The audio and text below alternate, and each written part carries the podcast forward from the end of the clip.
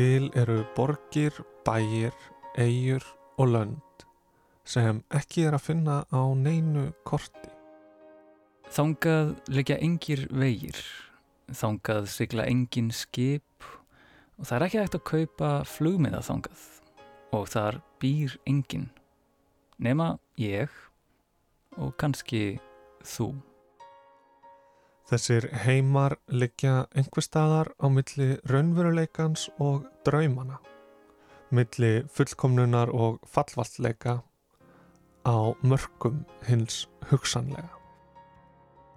Þeir eru aldrei hér og nú, heldur alltaf rétt handan við hornið. Þessir heimar sem eru öðruvísi og betri en okkar heimur heita einu nafni Utopia. Við erum Tómas og Snorri. Þú ert að hlusta á Hvergiland.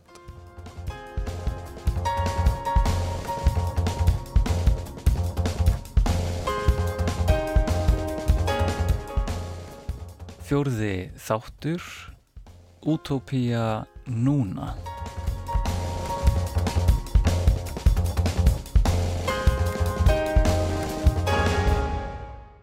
Byrjum á byrjuninni. We've had people basically like you and I, like all of your listeners, uh, have existed for at least 200,000 years.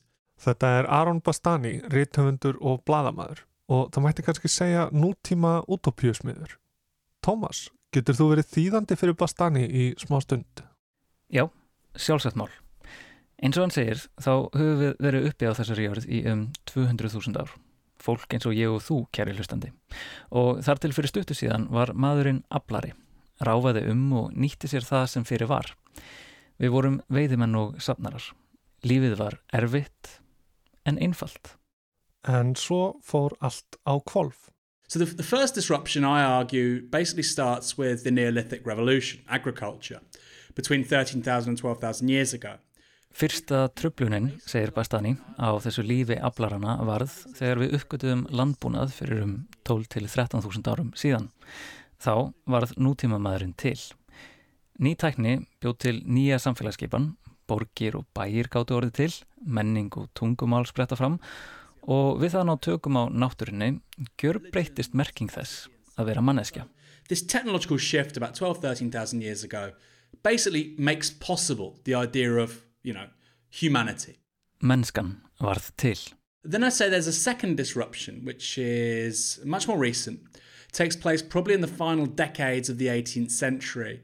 Uh, and it's not just the Industrial Revolution, you know, it's basically this complex of technologies, ideas, but also new relationships to nature which come together.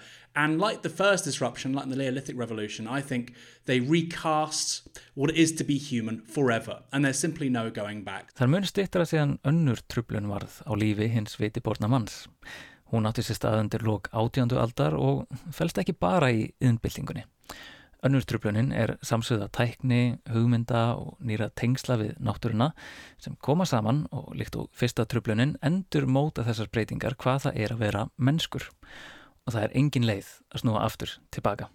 Gufuvélinn verður til, verksmiðjukerfi, markaðshagkerfi og launavinna festa rætur og allt er þetta drefið áfram á steingerfinga eldsneiti sem vellur upp úr jörðinni og beinustu leiðinni hagkerfið.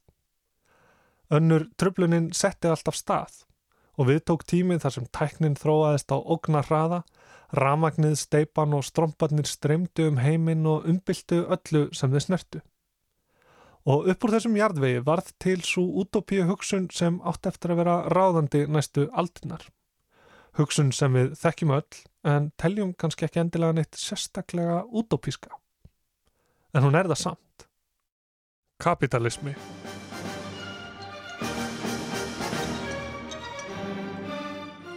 Við þekkjum þessa klassísku söluræðu. Við höfum fundið upp kerfi sem byggir á enga eign gróða, vexti, tilraunastarfsemi og samkeppni.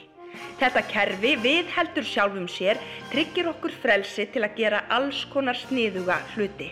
Þetta kerfi er gjör ólíkt öllu því sem áður þekktist og uppfyllir allar þær þarfir og leysir öll okkar vandamál. Ótal lausnir og hugmyndir eru prófaðar á sama tíma, verðmætasköpun vex upp úr öllu valdi, tæknin tekur heljastökk fram á við og lífsgæðin aukast til muna. Hver er sinnar gæfu smiður, það er ekkert hámark á hamingjunni. Hugvit og aðlögunarhæfni munu fleit okkur inn í framtíðina á ógnar hraða. Við erum frjáls, við verðum farsæl.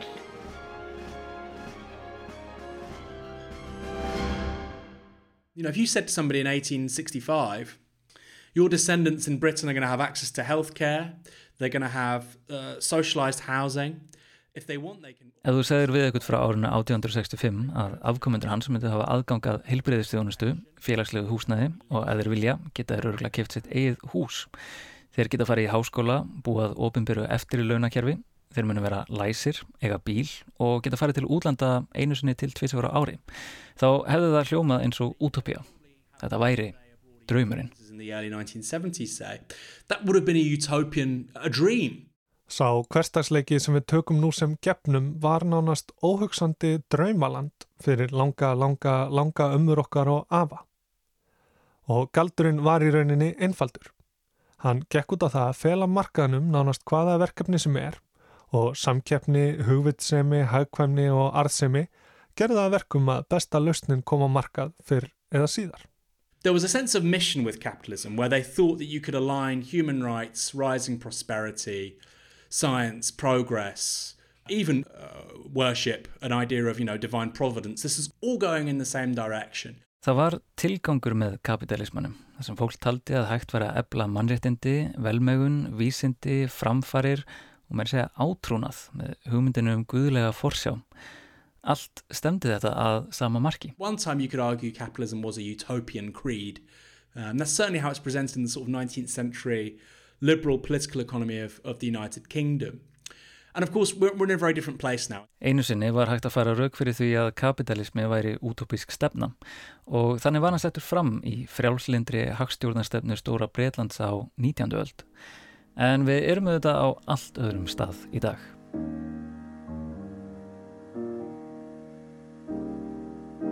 Við lifum á krísutímum. Kapitalismin hefur sínt sig og sannað hvað hann er dýnamískur og fljótur að breyðast við aðstæðum. Þannig tekst honum oft ágætlega að vinna sig upp úr krísu.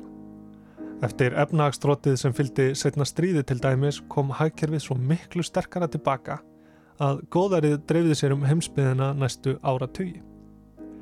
En í dag eru krísurnar orðnar svo litið margar. Þær eru í vistkerfinu, þær eru í umhverfinu, andrumsloftinu, bókstaflega. Velferðarkerfin okkar á það ítla við líðfræðilega öldrun og misskipting á auði heimsins er ekkert í rénun. All these crises come together, and I think really one would be a really dramatic challenge for market capitalism. I think all in combination is is probably is probably critical.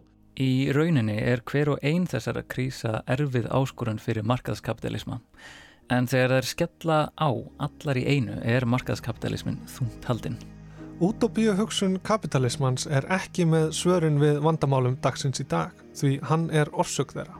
Það geti verið að því við erum alveg hægt að sjá kapitalisma sem útópíu. Við sjáum hann í dag sem ílskásta kostin og erum eiginlega bara honum við og stoppa í götin. Í nútímanum mætti segja við séum að drýja höfuð synd útópíunar með því að hugsa með sjálfum okkur, já, þetta er komið. Kapitalismin vann í áttunni og fall Sovjetríkjana staðfesti það. En svo Thatcher sagði þá er engin valkostur. Svona hefur þetta verið, svona er þetta og svona mun þetta vera. En þetta er ekki hinn besti mögulegi heimur og alls engin útópía. Ótrúlega margir á þessum netti eiga korki ísinni á. Þeir hafa ekki aðgangað heilbriðistjónustu, eiga engin úrræði eða bakland, ekkert heimaland, jafnvel ekki neitt. Það læðist að manni grunur um að þetta sé engin valkostur. Samfélag okkar sem höfum það best er meir og minna undirlagt vörumertum kvíða, hvort sem hann tengist loftslags, koronaveiru, framistöðu eða hvaða nú er sem hrjáir fólk þessa stundina. Og ef ekki þá blasir við kulnunar ástand, kryttað, kvítri, sektakend og das af skamdegisþunglindi.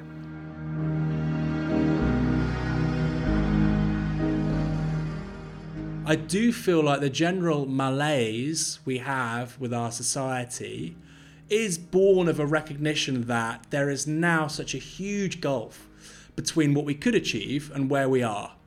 And that's true with regards to uh, the arts, architecture, the provision of healthcare, uh, you know, the, the levels of scientific research and so on and so forth. Bastani segir að þessi almenna ónóta tilfinning spretti fram þegar við sjáum hvað það er gífurlega stort bíl á mellið þess sem við gætum áorkað og hvar við erum stödd.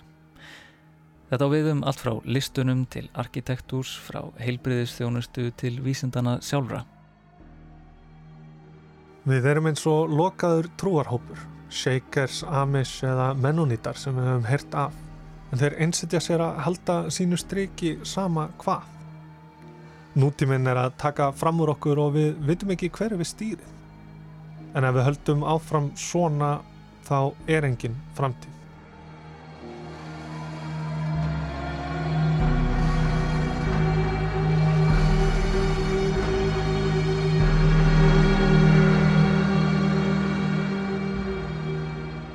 Aron Bastani gleymir sér ekki bara í gaggrinni, heldur tekur hann útópiska trúarstökkið og leifir sér að setja fram sitt eigið draumaland. Nýlega gaf hann út bókina Fully Automated Luxury Communism eða Al sjálfvirkur luxuskommunismi. Nú er kommunismi smá hættulegt orð, en í þessu samfengi er það bærilega saklaust. Það er engin að fara að senda því í gúlag, það er engin að fara að senda því í stríð. Egnir þínar verða ekki gerðar upptækar það á bara að stokka svolítið vel upp í kerfinu. Bjóða upp á samfélagslegan luxus og í rauninni skrúfa fyrir allan skort. My politics are a hunter-gatherer society where we all live much longer and we don't have to do any hunting.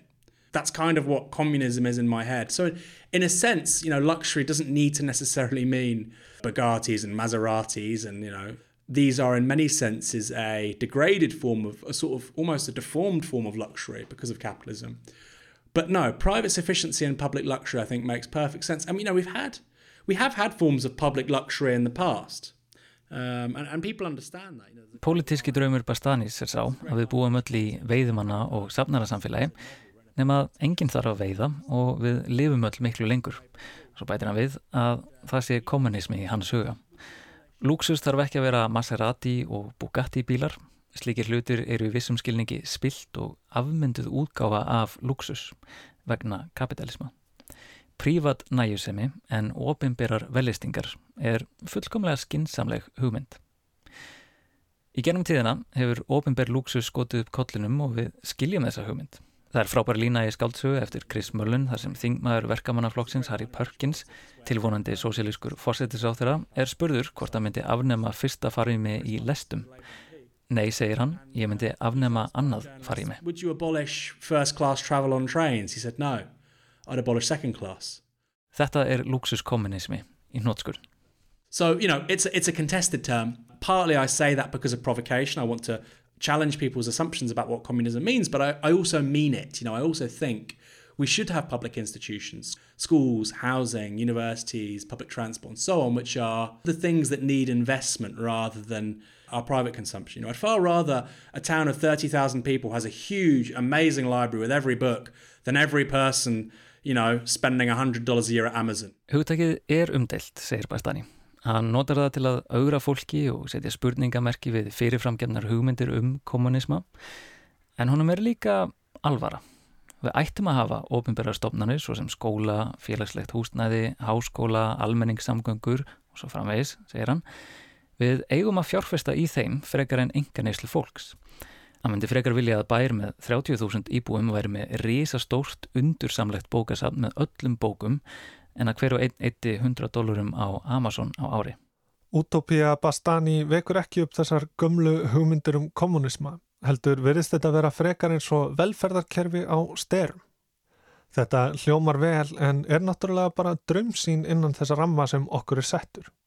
Það kostar of mikið, aðstæðunar eru einfallega ekki til staðar, einstaklingshyggjan jafnvel of sterk. En heimurinn er á yði og það er alltaf breytast og það er ein risastór krísa í sjónmáli.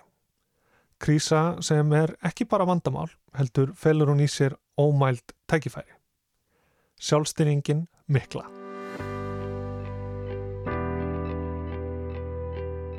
Sjálfstyrningin mikla eða The Great Automation eins og hún er gjarnan köllið á ennsku er að riðja sér rúms í veruleika okkar í þessum töluðu orðum. Vélarnar eru komnar á atvinnumarkað. Ekki bara sem hjálpartæki manneskunar heldur sem sjálfstætt vinnuafl. Og já, við höfum haft áhyggjur af þessu áður, þetta er gamalt vandamál. Tækin stela störfunum en í dag er miklu, miklu, miklu meira í húfi. Teknin er komin á það stig að sífælt fleiri og fjölbreyttari störf eru í útrýmingarhættu. Velminni get ekki bara synd framleiðslu eins og áður, það er komið í staðin fyrir mennskar hendur, nei, þau sinna líka þjónustu. Við eigum í samskiptum við þau og algoritmar ganga í hlutverk manns hugans. Og allt er þetta fljótleira, skilvirkara og ódýrara en að ráða starfsfólk. Svartsýnustu eða kannski bjartsýnustu spár, það fer eftir hvernig á það er litið, gera ráð fyrir að á milli 400 til 800 miljón störf getur horfið í gen sjálfverkni væðingarinnar næsta áratvíin. Mögulega verður fymta hverju starfi senda velmennum áður en leggskólabörn dagsins í dag komast í mentaskóla. Það þarf engan sérfræðing til að sjá að þeirra heimur verður allt öðruvísi en okkar og þetta mun gjör bylta samfélaginu. We're presently in what's called the third disruption, what I call the third disruption, uh, which is to say that we're looking again at a seismic shift in the, in the sense of political possibility. Við erum nefnilega stött í þriðju trubluninni á því hvaða er að vera manneskja. Þetta eru strömmkvörf í pólitískum möguleikum mannsins. Það fyrir sífælt meira fyrir gerfugreind með tilheyrandi áhrifum á tækni og vísindi og endur nýjanlegir orkugjafar verða sífælt betri og ódýrari. En ef við höldum rétt á spöðunum og gerum hvað við getum til að beisla þessa þróun okkur í hag, þá er aldrei að veita nefn okkur takist að yfirstega ymsa þær takmarkanir sem er í vegi okkar. Það er svo litið mikill munur á okkar hefðbundna 9-5 sem keirir á jarðefna, eldsneiti og krefst ómældrar viðveru og viðhalds og heims þar sem orka er endalauðs og ókipis, þar sem vinnuafl er ekki það sama á fólk og þar sem hverstagurinn er meira og minna sjálfvirkur og sjálfstyrður og allir hafa aðgengi að húsnæði, heilbriðistjónustu og mentun. Veruleika þar sem við getum framleitt hvað sem við viljum og nóa því fyrir alla. Það getur verið bílar, matur, húsnæði, námskökn, liv, lækningatæki, hvað sem er. Ef okkur tekst svo að ná í hráefni út í geim eins og Bastani leggur til, þurfum við heldur ekki að hafa áhyggjur af þólmörkum jarðarinnar og við tæknum okkur út úr loftslagsvandanum. Í heimi þar sem vélmennin vinna leiðinlegustu og vélrænustu störfin, þar sem peningar er ekki eini kvatinn til að taka sér eitthvað fyrir hendur, þar getur öllum leiði betur. Fengist þið það sem þeir vilja, lært það sem þeir hafa áhuga á og haft það svo litið næs bara. Engin kulnun og ekkert stress. Þetta hljómar eins og utopía hönnuð fyrir nútímamannin. That's not to say everything's going to be okay. In fact, many of these things, that significant government intervention won't accelerate quickly enough. Things won't be okay. Uh, but I do think between AI, high levels of automation, and a, and a new re relationship to nature and to energy, I think this is every bit as big as the second disruption in particular. Bastani segir að það sé ekki þar með sett að allt verði í himna lægi. Martaðir sem mun opna þessa möguleika mun ekki þróast nú rætt án aðkomu ríkisins og þá verða hlutinir ekki í lægi. Hann telur þó að gerfi greind, sjálfstyring og nýtengsl við orgu og náttúru sé þessi þriðja trublun á lífi manneskunar, alveg á stærð við aðra trublunina, yðinbildinguna og tilkomu kapitalismans. Og eins og með aðra trublunina þá er engin leið að snúa tilbaka. Þessi þróun mun eiga sér stað hvort sem við viljum það eða ekki. Tekninni mun fara fram og heimurinn mun breytast. Við skulum segja skilið við Aron Bastani að sinni. Nútíma maðurinn stendur ekki bara á krosskutum heldur setur hann í rafmagsbíl á hraðbröð á leiðinni til helvitis og nálgast óðfluga fjórvíð mislæg gatnamót með undirgöngum og fráreinum sem gæntu leittan til frelsunar. Business as usual eða utopia. Eitt er víst. Við þurfum ekki að vera kommunistar til að vilja betri heim og við þurfum heldur ekki að vera kommunistar til að sjá hvað er að. Krísu ástand nútímanns er svo augljóst að meira segja börn eru tilbúin að forna 15. skóla ársins fyrir framtíð sína og framtíð jarðarinnar. Kommunismi var útópíu hugsun á sínum tíma sem misefnaðist all herfilega í verki og ef markaðskapitalismin ræður ekki við allar þær krísur sem að honum stæðja í nútímanum þá hætt við að svo útópiska tilrönd sem hann er misefnist. Ef hann misefnast er voðin vís vegna þess að það er einlega auðveldar að ímynda sér endalokk heimsins en endalokk kapitalismans. Þetta er þraungstaða En útópían er kannski leiðin út úr og út fyrir þessa tvíhyggju. Hún er ímyndun, ansi upplug ímyndun sem leifir sér, þrátt fyrir allt og sama hvað, að setja fram nýjan og betri heim til að stefna það. Förum að gatnamótunum. Snorri, kveiktu á ímyndunavélinni.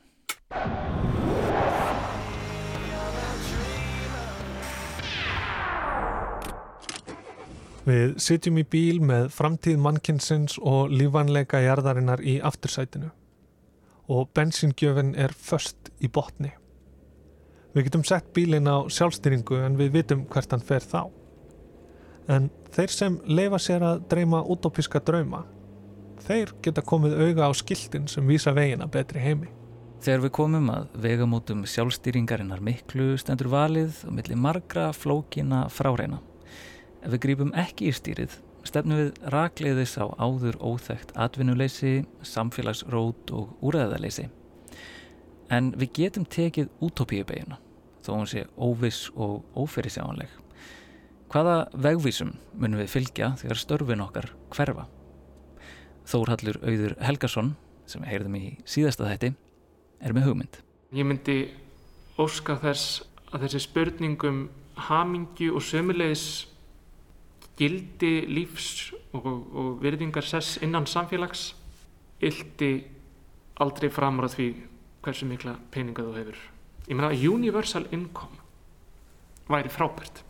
Ef allir fengi bara nót til þess að lifa því að það er nót til.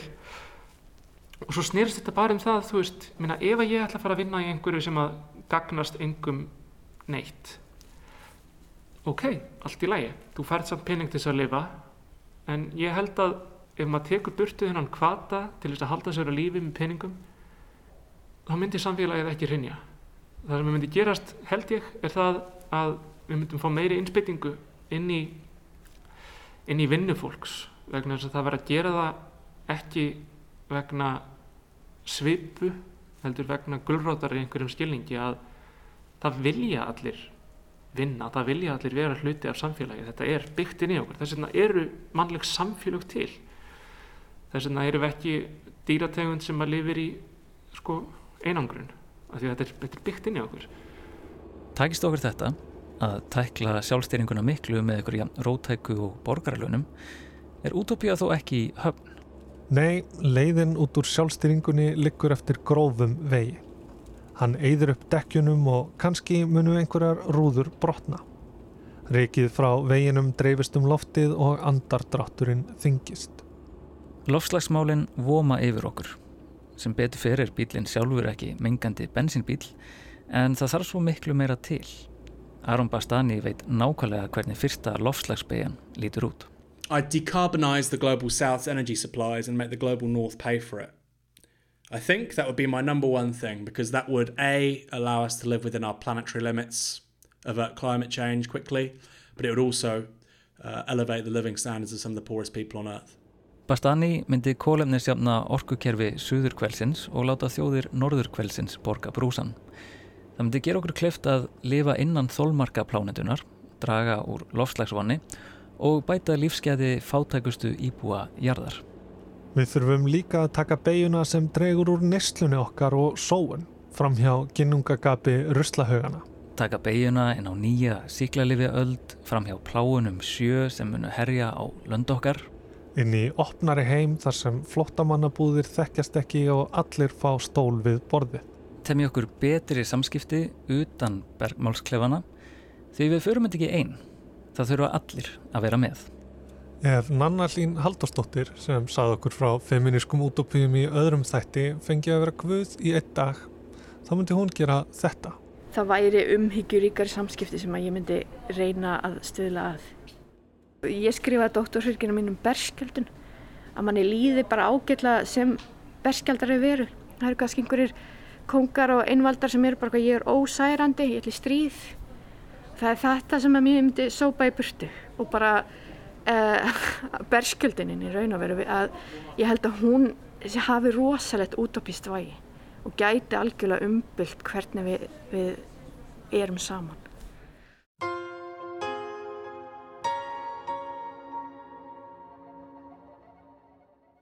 Við vonum, kæri hlustandi, að þú hafi verið notið þess að ferðast með okkur á milli hvergilanda.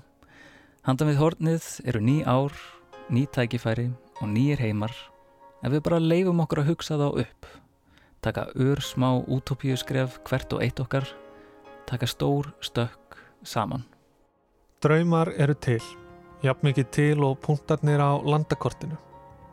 Og draumar eru hættulegir, en það er líka bara allt í lægi. Í hvers konar heimi vilt þú búa? Hvert er þitt draumaland? Takk fyrir að hlusta.